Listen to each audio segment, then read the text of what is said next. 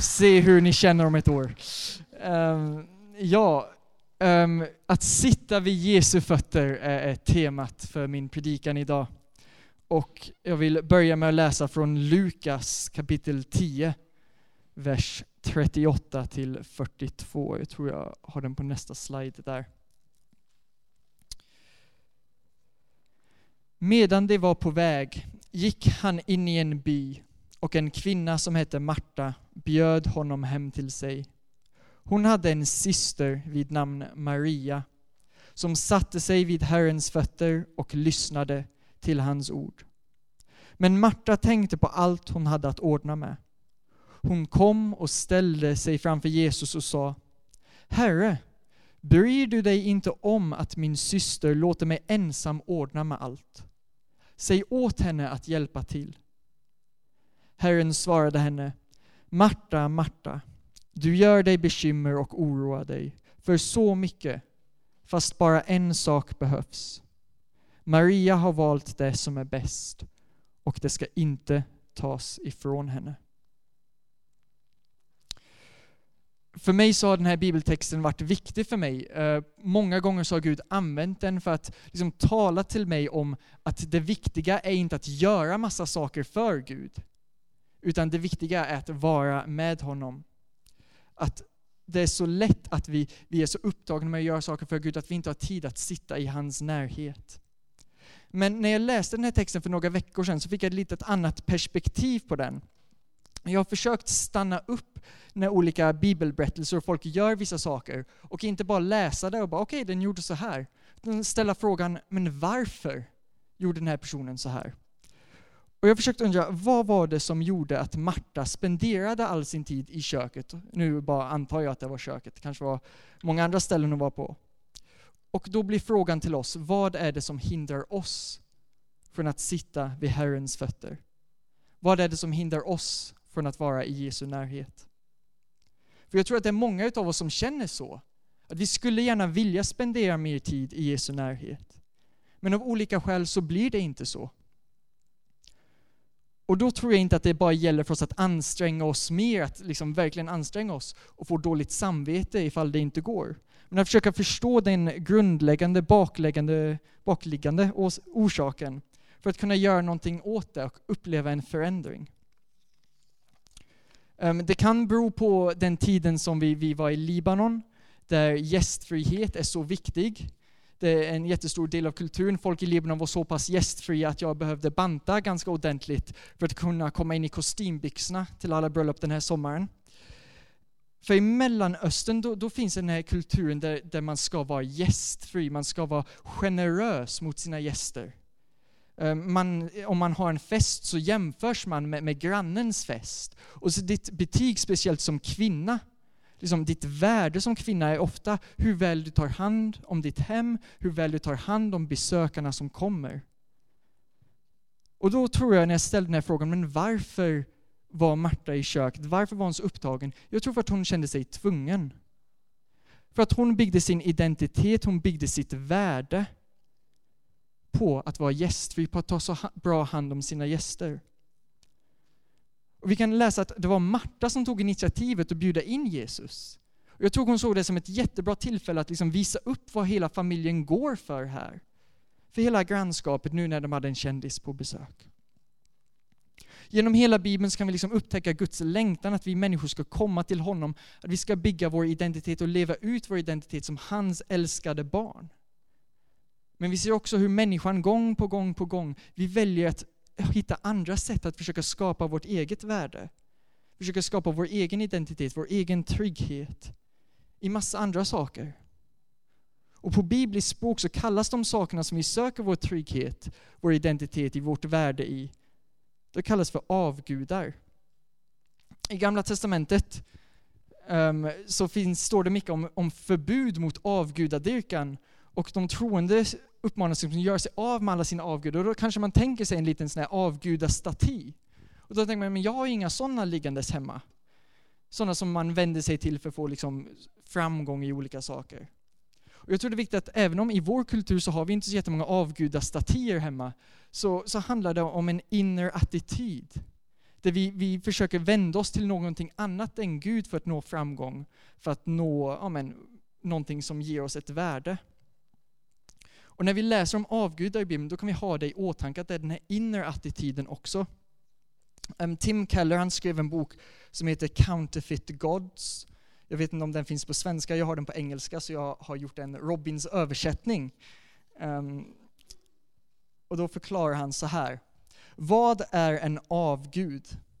Det är vad som helst som är viktigare för dig än Gud. Något som upp, uppslukar ditt hjärta och dina tankar mer än Gud. Något som du hoppas ska ge dig endast det som Gud kan ge dig. En avgud är något som är så central och viktigt för dig att om du skulle förlora det så skulle du känna att livet är meningslöst. En avgud är en så stor del av ditt liv och har ett sådant inflytande på dig att du lägger det mesta av din passion och energi. Du investerar både dina känslomässiga och ekonomiska resurser i den utan att ens behöva fundera.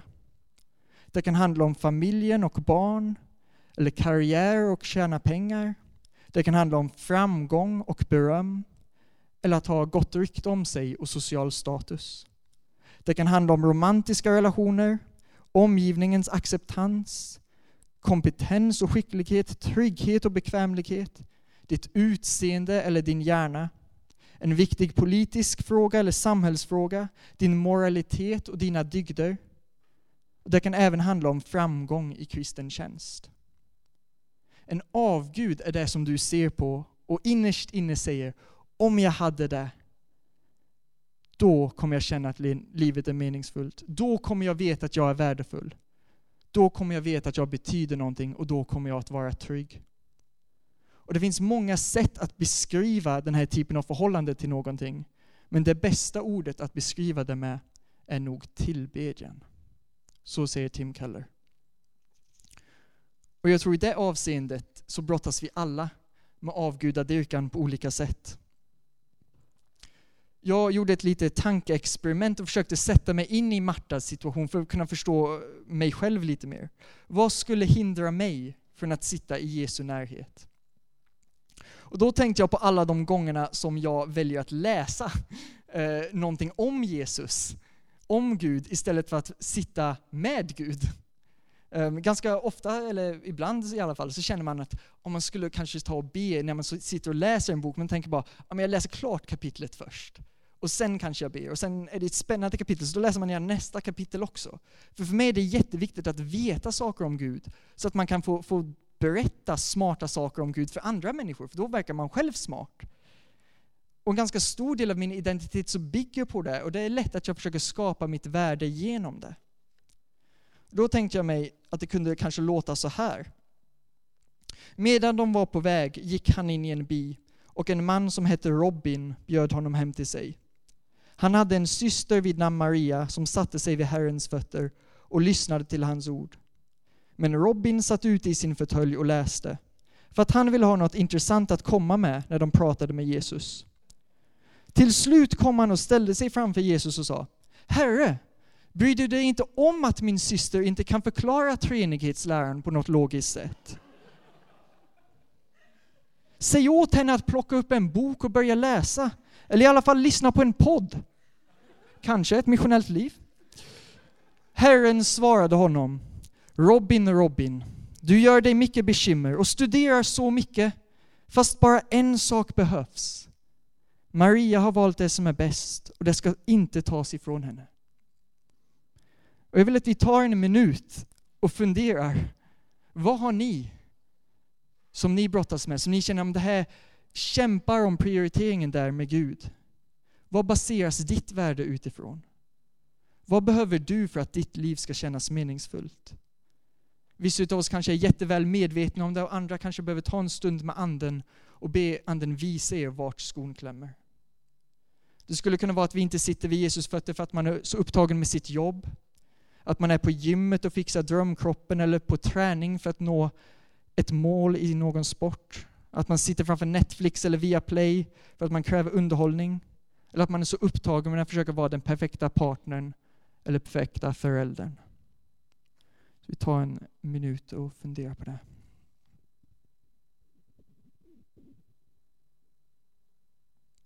de sakerna som ni tänker på, de kan vara väldigt bra saker. Det måste inte vara dåliga saker. Personligen tycker jag det är väldigt bra att veta saker om Gud.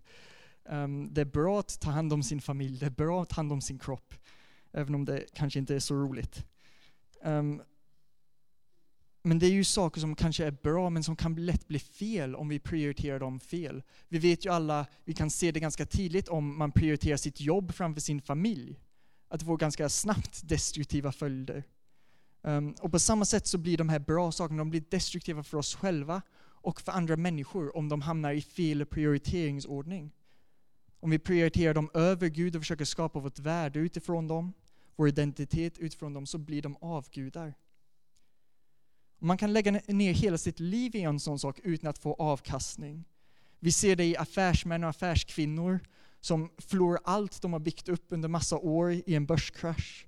Föräldrar som gör allt för sina barn och så går det snett ändå. Den som lägger ner all sin tid inom sport men lyckas inte nå dit de vill ändå. Och även de som har tur nog att nå sina mål. Då är det många som upplever att det gav dem inte den glädjen, det gav dem inte den tillfredsställelsen de längtade efter. I Bibeln finns det en bok som heter Predikaren, där den som skriver predikan, han går igenom massa av de här sakerna. Oh, jag har massa pengar, jag har massa kunskap, jag har massa, massa tjejer eller vad det nu kan vara som man tror, om jag bara får det, då kommer mitt liv vara fullt av mening, fullt av glädje. Så bara går ner och säger bara nej. Jag fick allt det där, men det var tomhet, det var meningslöst. Det var ett jagande efter vind. Och det är därför Bibelns författare vädjar till oss att, att istället vända oss till den levande guden, för det är hans närvaro som vi får våra djupaste behov tillfredsställda. Det är därför Jesus säger att Maria har valt det bästa, när hon har valt att sätta sig i hans närhet. När hon struntar i vad hennes kultur säger åt henne att hon ska värdera, vad hon som kvinna ska lägga sin tid på, bygga sin identitet utifrån, utan vänder sig först och främst till Jesus. Vad är det som vi hittar i Jesus? Vad är det som skiljer honom från alla de här andra sakerna som vi strävar efter att nå? Som vi har nämnt flera gånger nu bara under inledande gudstjänsterna under hösten, så visar Gud genom hela Bibeln sin trofasthet, att det går att lita på honom. Bibeln vid några tillfällen eh, beskriver de här andra sakerna som, som en stav som är gjort av vassrör. Um, som liksom när man lägger sin tyngd på den så bryts den av, det här vassröret går in i handen. Att det, går, det håller inte, det går inte att lita på den, det går inte att bygga ett liv på de här sakerna. Men Gud beskrivs som klippan, den stadiga grunden som vi kan bygga våra liv på. Börserna faller, kroppar förfaller, familjer faller isär, drömmar faller igenom. Men Gud står evigt kvar. Det innebär att vid Jesu fötter så hittar vi en trygghet som bär genom de djupaste kriserna. För det andra så beror det inte på våra prestationer utan vår relation till honom. Medan Marta sliter ut sig i köket för att bevisa sitt värde så hittar Maria vilan i Jesu närhet. Vi har ju ett ansvar att, att söka oss nära Jesus, att ta den tiden i hans närhet och leva ut den identiteten. Men det sker genom att vi upptäcker vår identitet som Guds barn och låter den relationen få prägla, få genomsyra våra liv. Om det är beroende, ditt värde är beroende av en relation istället för dina prestationer, så kommer det inte hålla dig i ett krampaktigt grepp om att, en rädsla för att misslyckas.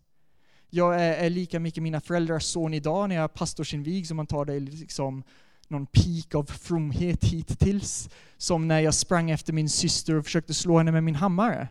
Det är ju fortfarande deras son, oavsett dagsform på det. Och vi är fortfarande Guds älskade barn de dagarna vi är på topp och de dagarna då vi inte är det. Vid Jesu fötter så hittar vi en vila från prestationskrav.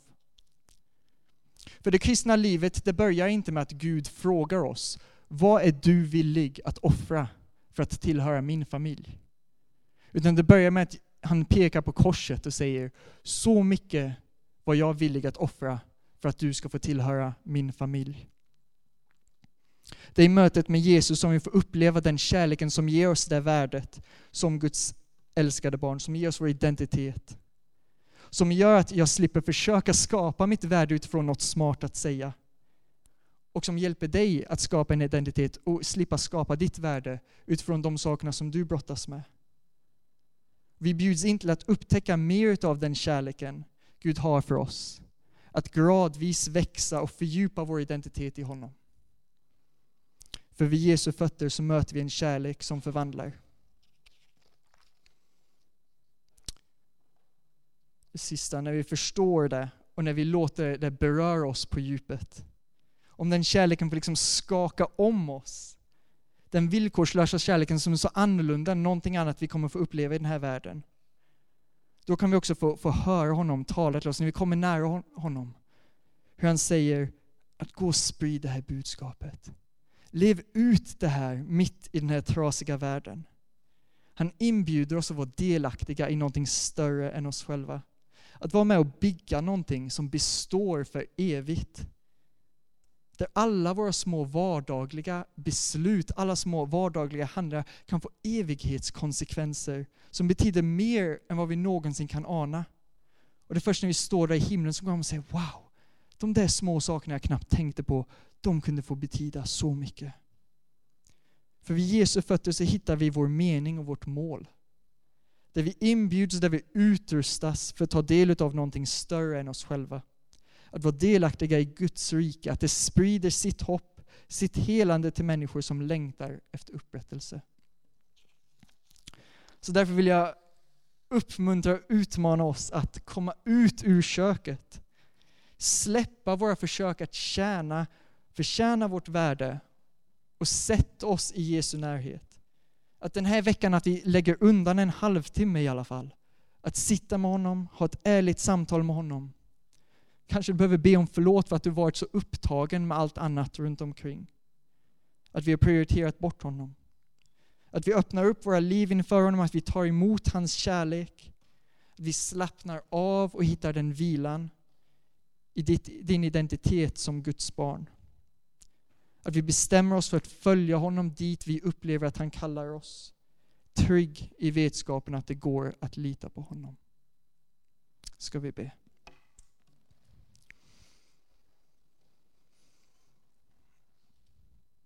Ja, Jesus, tack för att du möter oss. Att du kallar oss till att komma, komma nära dig, att vi inte behöver kämpa oss fram. Utan att du välkomnar oss att komma precis som vi är inför dig, Herre. Jag bara be att vi skulle få, få söka oss nära dig. Vi skulle få ta emot allt det här som du vill ge oss. En trygghet, en kärlek, en mening med vårt liv, Herre. Be att vi skulle få finna vila i dig. Och be att du skulle få leda ut oss, både som individer och som församling och som samfund, ut i den här trasiga världen, att vi får sprida ditt rike vidare. Be att du skulle få möta oss och tala till oss under den här tiden då vi tillber dig och under veckan som kommer. I Jesu namn. Amen.